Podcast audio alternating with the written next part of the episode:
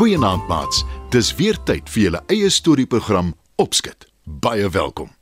Vanaand se storie is 'n ou Zulu legende oor hoe die voëls nie kon ooreenkom wie hulle koning moet wees nie. Lekker luister. Lank gelede, in 'n digte bos naby 'n rivier, het daar baie voëls in die bome gebly. Hulle kom goed oor die weg en daar's nooit 'n stryery nie. Maar soos dit mag gaan met mense ook, is daar een voël wat nie gelukkig is met hoe dinge verloop nie. Die visarend. Hy roep toe al die voëls bymekaar vir 'n vergadering. Die hele klomp daag op. Flaminke, vinke, uile, mossies, noem maar op.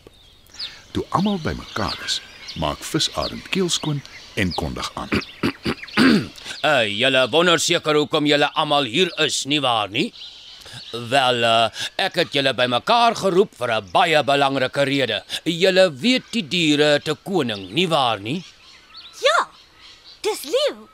Roep vink, Heeltemal reg. antwoord visarend. Maar hy is nie ons koning nie. Hy kan nie vlieg nie. Hy weet dus nie hoe ons voel en hoe ons dink nie. Die ander voël stem dadelik saam. Dan moet ons ons eie koning kies. Roep uil. Inderdaad. Dis hoekom ons die vergadering het. Ons moet 'n koning kies en my beskeie voorstel is aangesien ek is sterk en uh, mag ek byvoeg majestueuse voel is dat ek die posisie beklee. Ek kan hoog vlieg, ek kan ver sien. Ehm ek het sterk kloue en 'n groot snavel. Ek dink ek sal 'n waardige koning van die voëls wees. kondig visarend aan. Die ander voëls praat opgewonde onder mekaar. Kan hy sommer homself kies? Is dit ooit reg? Sê vink vir die ander voëls. En hulle stem saam. Toe kondig uil aan. Met alle respek, visarend. Ja, jy is sterk. Jy kan hoog vlieg en ver sien. Maar ek is die heel wysste van al die voëls. My oë is die grootste. En ek kan snags baie goed sien. Iets waaroor julle ander nie kan spog nie. Ek dink ek moet die koning wees van die voëls. Weer praat die voëls onder mekaar. Toe kom Gompo na vore. Ek is die grootste vleiende voël. Sê hy terwyl hy rondloop en pronk. Daar is dis geen kwessie nie. Ek is die koning. Kyk na my. Kyk hoe sterk is ek. Dis tog seker die kwaliteit wat 'n koning moet hê. Nou is die voëls eers opgewonde. Hulle praat onder mekaar en is dit eens dat Gompo 'n goeie keuse is. Maar toe, skielik, roep die lang stertjie sanger, die kleinste ou voeltjie. Wat van my? Ek kan ook koning wees. Die ander voëls bars uit van die lag. Die voeltjie is so klein, hy word skaars raak gesien. Hulle dink almal hy maak 'n grap. Maar die lang stertjie sanger is doodernstig. Gee my 'n kans en ek bewys aan julle hoe 'n goeie koning ek sal wees. sê hy. Nou, toe nou, jy het nogal baie te sê vir so 'n piepklein voeltjie. Spot visarend. Wel, dan stel ek 'n kompetisie voor.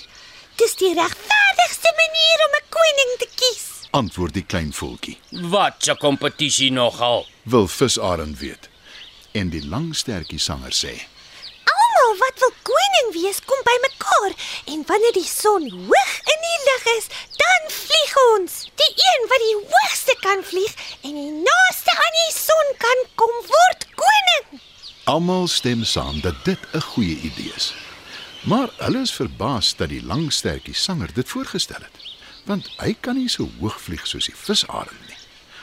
Maar die klein voeltjie het 'n plan. Die dag van die kompetisie breek aan en hy kruip ongesiens onder visarend se vlerk weg.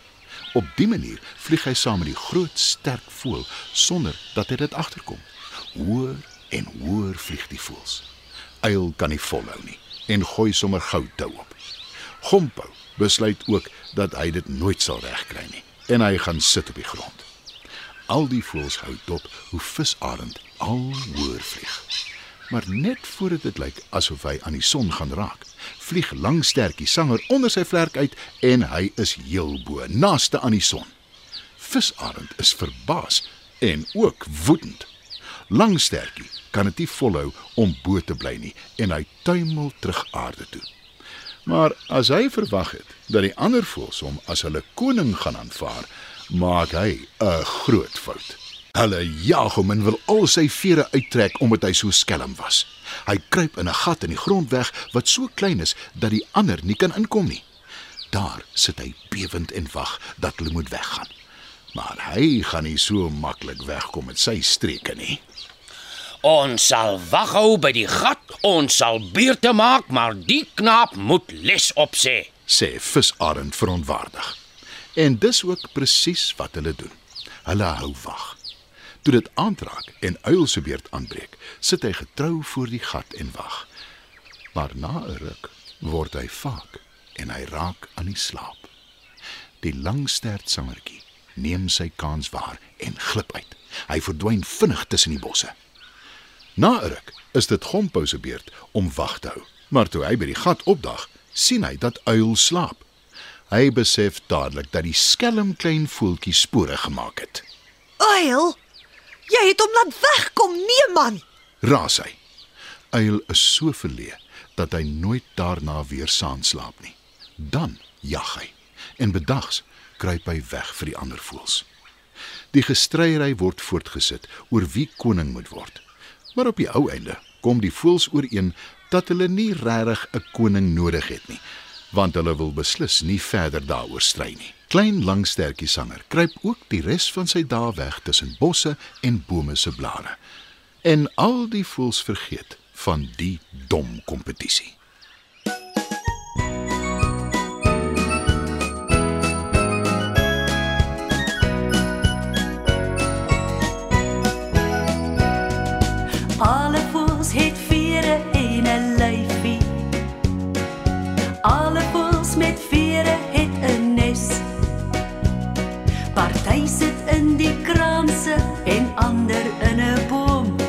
Party staan in die vleie op een beentjie en droom.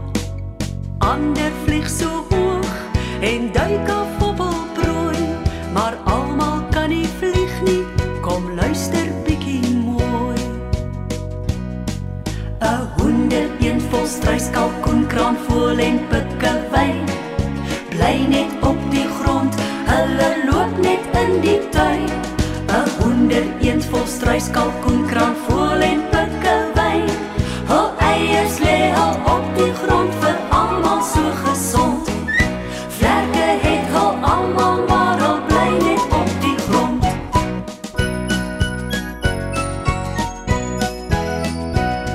Die swaalkie soek die sonskyn oor die water. Die kraaie sit en gaap net op 'n paal.